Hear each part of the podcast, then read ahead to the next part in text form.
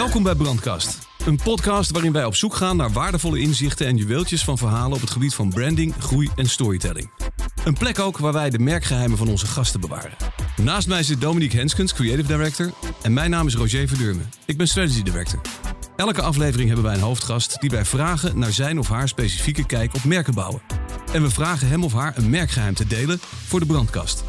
Onze gast van vandaag gelooft oprecht dat dingen beter worden als je ze eenvoudig maakt. Als marketingdirecteur bij Zeeman heeft zij met een klein team en hele slimme campagnes het hart van een nieuwe doelgroep veroverd. Ze wonnen recent de San Consistentie Award mee. Sinds kort is zij ook verantwoordelijk voor e-commerce en mag daar de steile leercurve van de coronatijd omzetten naar een solide online organisatie. Als ze even niet met Zeeman bezig is, en als het weer mag, dan zingt ze de sterren van de hemel in de coverband Lebowski. Dominique, wat weten wij nog meer van haar? Nog veel meer. Ze houdt van Italiaans eten en Italiaans skiën. Ze houdt niet van sport, maar sport wel drie keer per week gewoon omdat het moet. Ze houdt ook niet van de natuur, maar wandelt wel graag door de stad.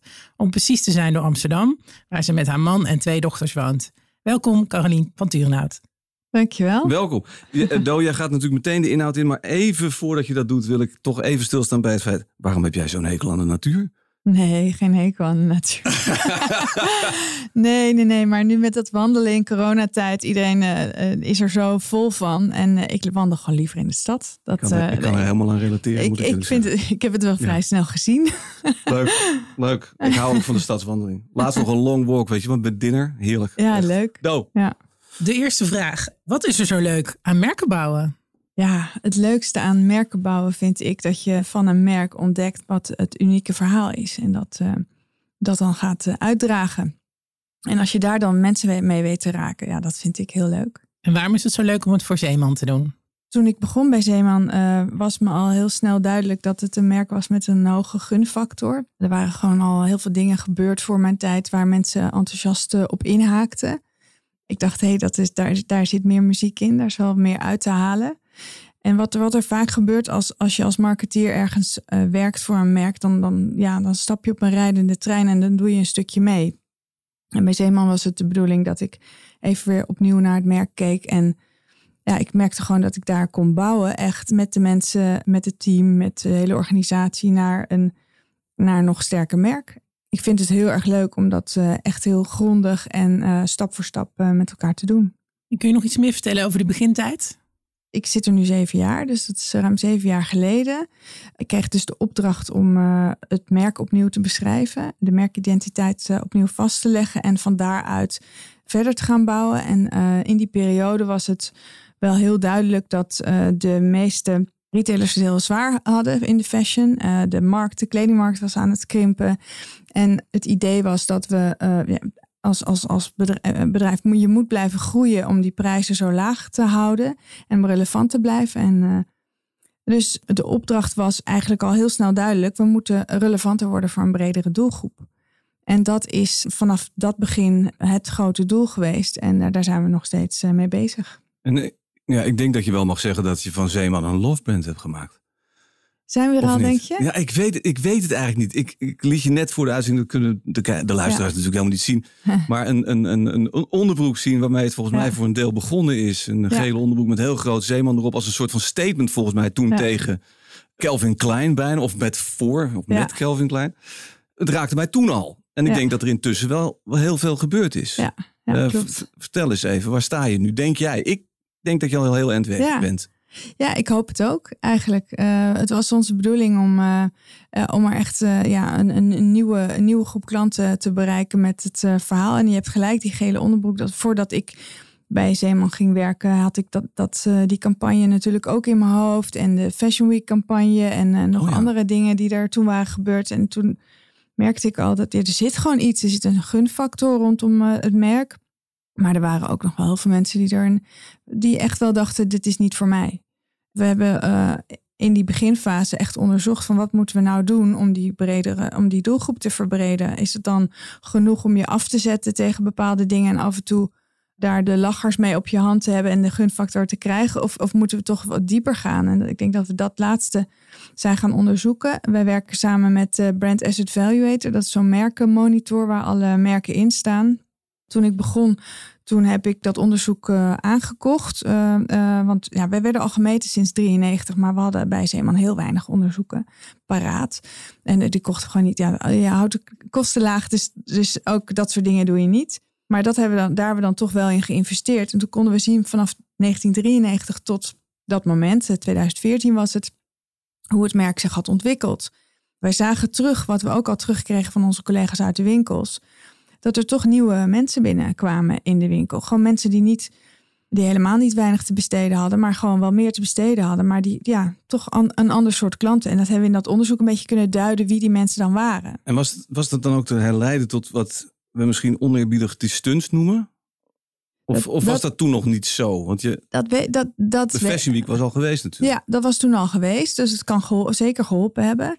Het heeft denk ik ook te maken met de, de tijdgeest. Hè?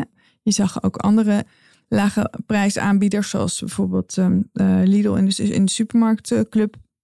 Die ook een andere nieuwe klanten naar zich toe trokken. Dus daar, daar, ja, daar gingen we wel een beetje in mee, denk ik. En die stunts, om toch Ja. nog even op terug te Ja. komen. Hè? De Mhm. trouwjurk, de sneakers en zo. Hoe pak je dat aan? Hoe plan je dat? En Ah, en hoe kom je erop eigenlijk? ja, Ja, Want van die onderbroek, snap ik nog. Weet je wel? ja. Maar naar een trouwjurk, toch? ja. Ja. Nou ja, het komt allemaal ehm, eh, neer op, eh, op één, ehm, één basisidee. En dat is, eh, nou, we hebben het merk gewoon heel goed beschreven. We hebben gezegd, Zeeman is, is, is eenvou- eenvoudig. Hè? Zo eenvoudig dat je denkt van, huh? Kan dat ook zo? We hebben gezegd, Zeeman is opmerkelijk eenvoudig. Het is een merk en dat, dit is niet bedacht. Het was al altijd al zo. De mensen die bij Zeeman werken, die kijken om zich heen. Die denken, goh, wat is dat eigenlijk duur? Kunnen we dat niet goedkoper maken voor heel veel mensen? Mhm. En dat is, dat is wat we elke dag doen met een t-shirt, met een rompertje, met de, met de laatste trend, huisartextiel. Maar we hebben heel laag me- mediabudget. Dus om die boodschap naar een grote groep mensen heel duidelijk over te brengen, is het gewoon een slimme eh, methode om het uit te vergroten met iets wat je helemaal niet verwacht. Die trouwjurk, dat was eigenlijk een idee wat al langer op de plank lag, al voordat ik kwam. Wij werken zo met het reclamebureau eh, Persuade samen dat we gewoon regelmatig onze funnel aan ideeën doornemen. En daar liggen gewoon wat dingen op de plank. En eh, daar lag de trouwjurk lag, al als idee klaar. eh, parfum ook. Maar ja, we hebben gewoon in een aantal brainstorms hebben een, een bergje met ideeën opgedaan. En daar komen we regelmatig op terug. En dan kijken we, hey, is het nu misschien het juiste tijdstip voor dit idee? Zo Ja, precies. Dus wanneer is de tijd rijp? Hè? Wanneer Ja. is dat moment? Is Ja. dat een vingerspitsengevoel? Ja, dat denk ik wel, ja. Ja, dat is wel heel... eh, ja, want die trouwjurk was nog niet klaar ervoor toen we ons, ons verhaal nog niet helder hadden. We moesten eerst wel eventjes heel duidelijk eh, neerzetten wie we zijn. En eh, we hadden toen de campagne opgebouwd met zo eenvoudig kan het zijn als, als pay-off. Die liep toen een tijdje en toen is de trouwjurk daar, daar bovenop gezet, zeg maar. Zie je het ook voor je, want dat zie je tegenwoordig ook wel meer, dat je een, een, een, een bijzondere samenwerking vindt. Bijvoorbeeld met een eh, North Face, doet hele gekke dingen tegenwoordig, maar Gucci bijvoorbeeld ook. Kan je je dat voorstellen dat dat er ook bij hoort of is dat iets heel anders? Dat zou er niet bij passen. Hm, Want eh, onderdeel van het verhaal van Zeeman is dat onze prijzen zo laag zijn doordat we alles zelf doen. En als je er dan een designer bij haalt, dan gaat dat verhaal niet meer op. Wat we wel heel erg toejuichen is dat het spontaan gebeurt. Want eh, wij waren wel heel erg blij en trots dat de Daily Paper bijvoorbeeld een ode-collectie voor Zeeman heeft gemaakt. Ja, ja. En dat, dat was wel Maar dat is vanuit hun koker dus helemaal. Ja, ja, dat hadden zij bedacht. Ja, ja, dat was een mooi compliment. Ja. Waarom denk je dat mensen, hè, consumenten, de kopers, de mensen in jullie winkels, het zo aantrekkelijk vinden, de dingen die jullie doen? Hoe kijk je daarnaar? Ik denk dat eh, een hele brede doelgroep, en dat zien we ook terug, heel erg kan waarderen eh, goede, goede kwaliteit eh, spullen. Een lage prijs eh, is, is ook evident voor heel veel mensen. Ook als je meer te besteden hebt, vind je het gewoon vaak een beetje onnodig om voor een wit t-shirt heel veel te betalen, alleen maar omdat er een merkje op staat.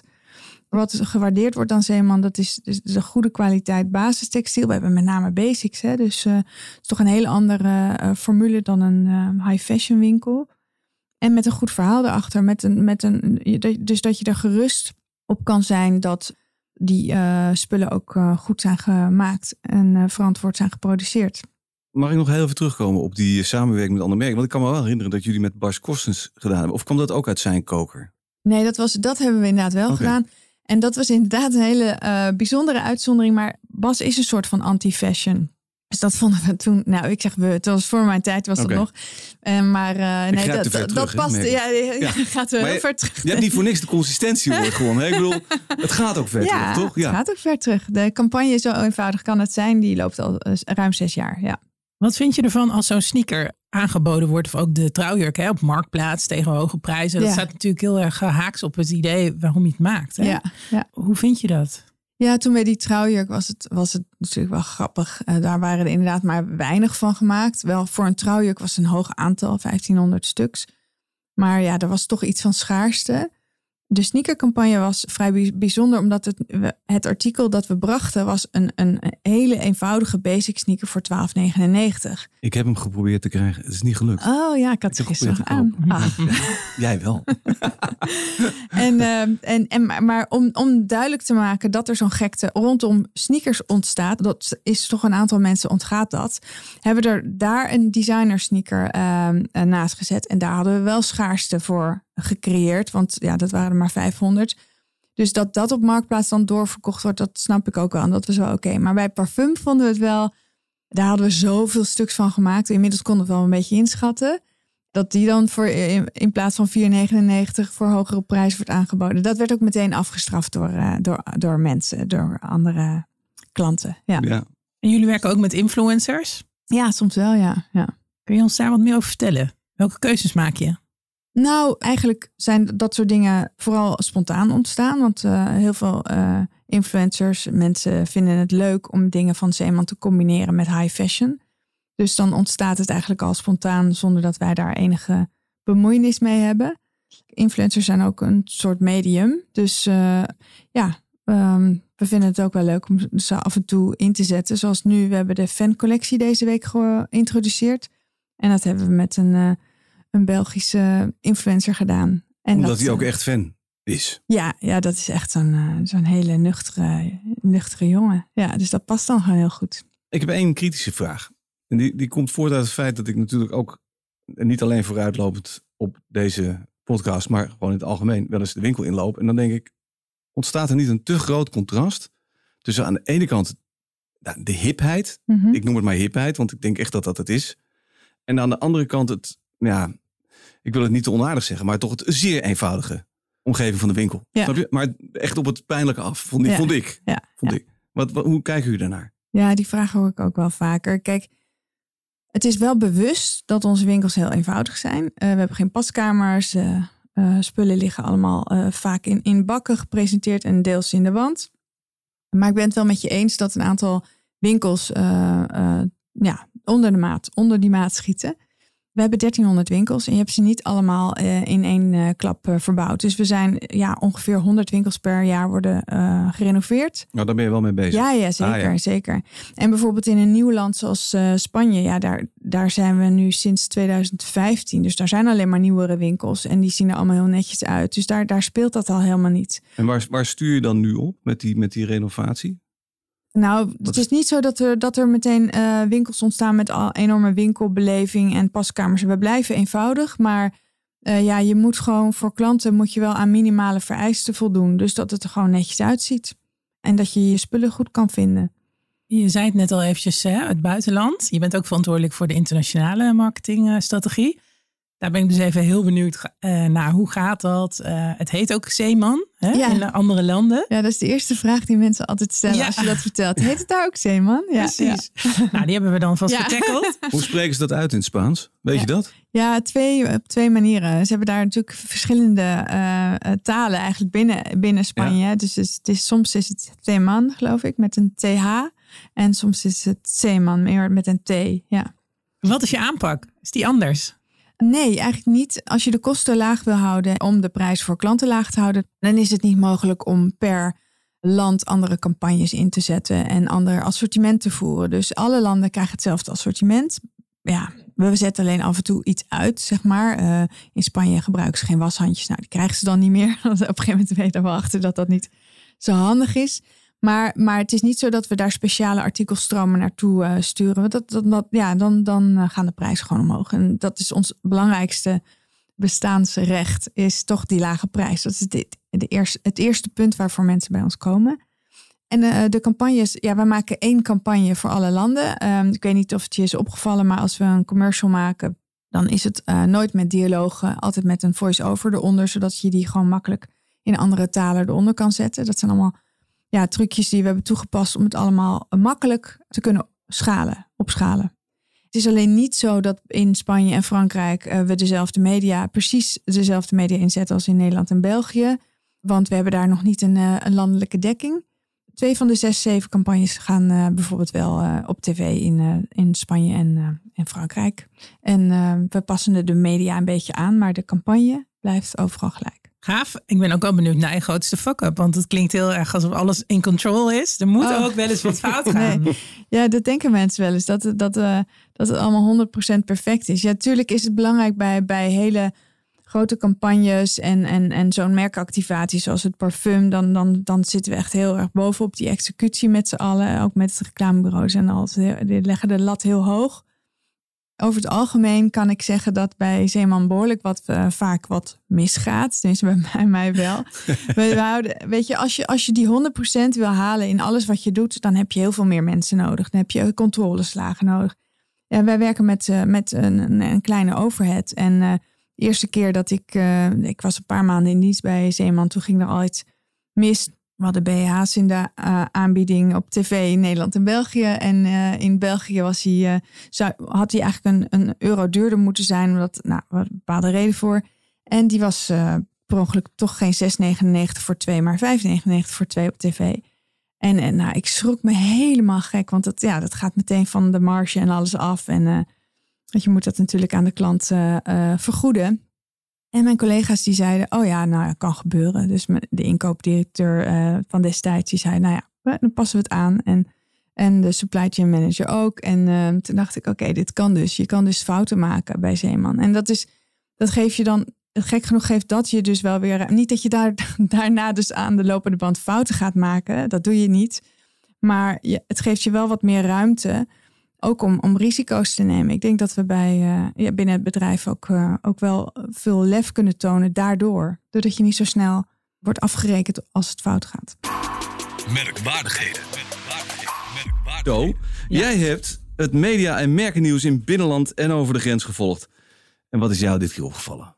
Ik las in de Marketing Week dat Amazon haar plek als meest waardevolle merk ter wereld behoudt. Amazon staat voor het derde jaar op rij bovenaan Kantars Brand Z's uh, een lijst van 100 meest waardevolle merken. Op twee staat Apple, op drie Google, op vier Microsoft en de vijfde plek is voor het Chinese Tencent. En het is volgens Kantar de eerste keer dat twee merken samen, namelijk uh, Amazon en Apple, uh, meer dan een half biljoen dollar waard zijn. Zo. Rijst bij mij wel de vraag, is dat wel oké okay, nog? Een biljoen is duizend miljard hè, volgens mij. Echt amazing veel. Belachelijk. En dan TikTok. TikTok komt uh, met een nieuwe campagne, Create Kindness, om uh, positiviteit en inclusiviteit in de app aan te moedigen en om online pesten te bestrijden. Ik denk een hele mooie ontwikkeling, met name omdat uh, een derde van de doelgroep van de gebruikers van TikTok jonger is dan 14 jaar. En ik wilde aandacht vragen voor iets heel leuks, vond ik zelf, Upperbloom. Ik las hierover in Ondernemer en zij moet gedacht hebben wat Bloemon kan, kunnen wij ook, maar dan met vaste planten en nog een tikje duurzamer. Upperbloom verzekert je namelijk van een groen balkon of daktuin en werkt met een plantenabonnement, maar dan met een groengarantie van uh, twee of drie plantenwissels per jaar. Een uh, zogenaamde balkonier verzorgt de installatie en de plantenwissels uh, met de verschillende seizoensplanten. En niks gaat verloren, want de teruggestuurde planten krijgen ook weer een nieuw leven of worden compost. En is eigenlijk wel een hele mooie brug naar jou, Carolien. Jullie zijn aangesloten bij Fairware. Ja, dat klopt. Dat is een hele mooie organisatie. En die helpt ons echt uh, ons uh, scherp te houden op uh, alles wat er gebeurt in de keten, in de productieketen. We werken met heel veel NGO's samen om, om de productie verantwoord te houden. En dan toch kom je dus in de krant met spinnerijen waar dwangarbeid zou voorkomen. Hoe, hoe, hoe zit dat? Ja, ik ben blij dat je naar vraagt, want ik wil het wel heel graag uitleggen. We zijn heel transparant over onze leveranciers, de kledingfabrieken, onze kleding die in onze fabrieken wordt uh, gemaakt, die leveranciers zijn ook inzichtelijk op onze website. En uh, die controleren we regelmatig. We weten alleen niet precies wat er in de spinnerijen gebeurt, waar de stoffen worden gemaakt die naar die leveranciers gaan. En dat willen we wel weten. Deels weten we dat inmiddels ook. Nou, toen kwam het rapport van het onderzoeksbureau Zomer naar buiten, waar je op doelt. Dat hebben wij anderhalf jaar geleden gehoord van hen. Zij doen uh, onderzoek naar arbeidsomstandigheden bij spinnerijen waar textiel wordt gemaakt. En ze konden een aantal spinnerijen, of één spinnerij, waar slechte arbeidsomstandigheden waren, leren aan, aan onze fabriek. Toen zijn ze, hebben zij ons daarover benaderd. En we zijn toen met die partij in gesprek gegaan, maar kwamen er niet uit. En toen zijn we meteen met ze gestopt. Het zou om kinderarbeid gaan, toch? Nee, dat stond niet in het rapport. Het is wel in de pers overgenomen uh, door heel veel. Dat is heel vervelend, maar het stond niet in het rapport dat het daar, uh, dat, dat uh, daar plaatsvond. Nee. Oké. Het ging om slechte arbeidsomstandigheden. Ja, dat wel. Onze CEO zegt altijd: transparantie komt met een hoge prijs. En dat is ook zo. Uh, ik denk dat hij daar heel erg gelijk in heeft. Maar het is eigenlijk heel belangrijk dat we transparant zijn. Want uh, daardoor kunnen die NGO's en onderzoeksbureaus kunnen ons vinden. En kunnen wij ervoor zorgen dat we er iets tegen kunnen doen. Carolien Zeeman richt zich enerzijds op consumenten die op hun portemonnee moeten letten. En anderzijds op hen die ook een keuze hebben waar ze willen kopen. Gaat dat samen? Ja, dat gaat wel samen. Maar dat vergt er wel een beetje wringen in de, in de campagne. Tenminste, dat moesten we wel eerst wel even heel goed onderzoeken. Want het zijn inderdaad, je hebt gelijk, het zijn hele verschillende uh, doelgroepen. Ze hebben wel een aantal dingen gemeen. En dat is dat ze die lage prijs willen. Ze willen allemaal goede kwaliteit. En ze willen ook niet elke keer hetzelfde. Dus je moet ook wel met nieuwe dingen komen. Maar de ene doelgroep die heel erg op het geld moet letten. We hebben onderzocht wat hen drijft en wat hen meer aan Zeeman zou kunnen binden. En dat is dat ze wat persoonlijker contact zouden willen hebben. Dus daar zijn we mee aan de slag gegaan. En de andere doelgroep, die wil gewoon horen dat achter die koopjes, dat daar een goed verhaal achter zit. Dus eh, dat je kunt vertrouwen op eh, de kwaliteit en, en ook verantwoord gemaakt product. Ja, want 42% van jullie katoen bestaat uit duurzaam katoen. Hoe krijg je dat voor elkaar tegen die lage prijs? Dat is best heel lastig geweest. Ehm, want in het begin, toen, toen wij dat wilden gaan opstarten, was er nog helemaal niet zoveel aanbod. En het wordt wel steeds beter en steeds makkelijker om dat te doen. Maar we zijn er echt wel jaren mee bezig geweest. Een ander duurzaam ding wat mij opviel, neem ik kwalijk. Ik gooi net een slok water in mijn luchtpijp. dus het klinkt een beetje anders dan net, neem ik kwalijk. Jullie verkopen nu ook tweedehands kleding. Dat viel me op. Dat vind ik heel bijzonder. Vertel er eens iets meer van. Ja, dat is een test die we doen in zes uh, winkels. De eerste resultaten zijn best wel uh, heel positief, moet ik zeggen. Uh, we moeten natuurlijk nog even kijken hoe het echt gaat. Weet je wel, wat zijn de restanten en dat soort dingen. Maar het houdt inderdaad in dat we in zes van onze winkels een deel van de winkel hebben vrijgemaakt voor tweedehands kleding. En dat is niet tweedehands zeemankleding, maar van alle merken kan van alles zijn. En dat kopen we in bij uh, Het Goed. En zij maken een selectie. Nou, er wordt heel leuk op gereageerd. We doen het ook omdat we zien, we willen heel graag die stap maken naar, naar circulariteit. Hè. Dat wordt allemaal steeds uh, belangrijker. Daar doen we het uh, voor. Maar ook omdat we merken dat een deel van onze doelgroep dat gewoon heel erg leuk vindt. Waar zijn jullie over vijf jaar? Nou ja, ik denk dat we in onze duurzaamheidsambities uh, weer een flinke stap verder zijn. In Nederland en België zijn wij heel bekend. Maar ik hoop dat we tegen die tijd in de andere landen waar we zitten ook echt een gevestigd merk zijn. En waar ben jij zelf over vijf jaar? Nou, dan, uh, dan uh, ben ik daarvan aan het genieten dat het gelukt is. en nee, ik, ik, er is nog wel een andere ambitie en dat is zeker nog niet klaar over vijf jaar. Dat is, kijk, de, de, customer journey die, die verandert volledig. Er komen steeds nieuwe touchpoints bij waar je als, als merk wil je zijn waar je klanten zijn. En, en dat verandert voortdurend. Dus ik denk dat we daar tegen die tijd flink mee bezig zijn om, om wat er dan weer is ontstaan om ons daaraan aan te passen. Dus ook veel e-commerce bedoel je daarmee? Ja, ja, zeker. Digitale contactmomenten zijn ook heel belangrijk. Carolien, we naderen het einde van deze podcast alweer. En uh, dat vliegt voorbij. Maar er zijn drie dingen die mij opvielen. Het ontdekken van je verhalen, je merk, dat is de kunst volgens jou, Carolien. Het wordt leuker als je als marketeer langer voor een merk werkt. He, ook daar Klopt. consistentie dus. Vind ja. ik heel mooi. Een mooie parallel naar de San ja. ook weer. En transparantie komt met een hoge prijs. maar het loont. Ja. En dan wil ik nog één ding van je horen. Wat is het merkgeheim wat wij in de brandkast mogen bewaren voor jou? Ik zou zeggen dat het belangrijk is dat je het unieke verhaal van je merk ontdekt. En daarbij helpt het als je wat spanning in dat merk kan vinden. Dus uh, zoek naar iets wat uh, je merk in een nieuw daglicht stelt. Wat de markt een beetje doet uh, schrikken. En dat de klanten in beweging zet. En als je dat hebt gevonden, dan heb je iets. Dan hoef je eigenlijk niet eens meer briefings te schrijven aan je bureau. Want dan heb je gewoon iets waar je continu mee kan werken en eh, eh, continu mee kan spelen. Dankjewel. Ik vind hem heel waardevol. Ja, Caroline, Graag ontzettend bedankt. We sluiten voor nu de brandkast. En we openen hem volgende maand weer met een spiksplinternieuwe aflevering van Brandkast. Dankjewel. Ben je benieuwd naar alle podcastseries van Grow? Volg ons dan in je favoriete podcast-app of op dpggrow.nl.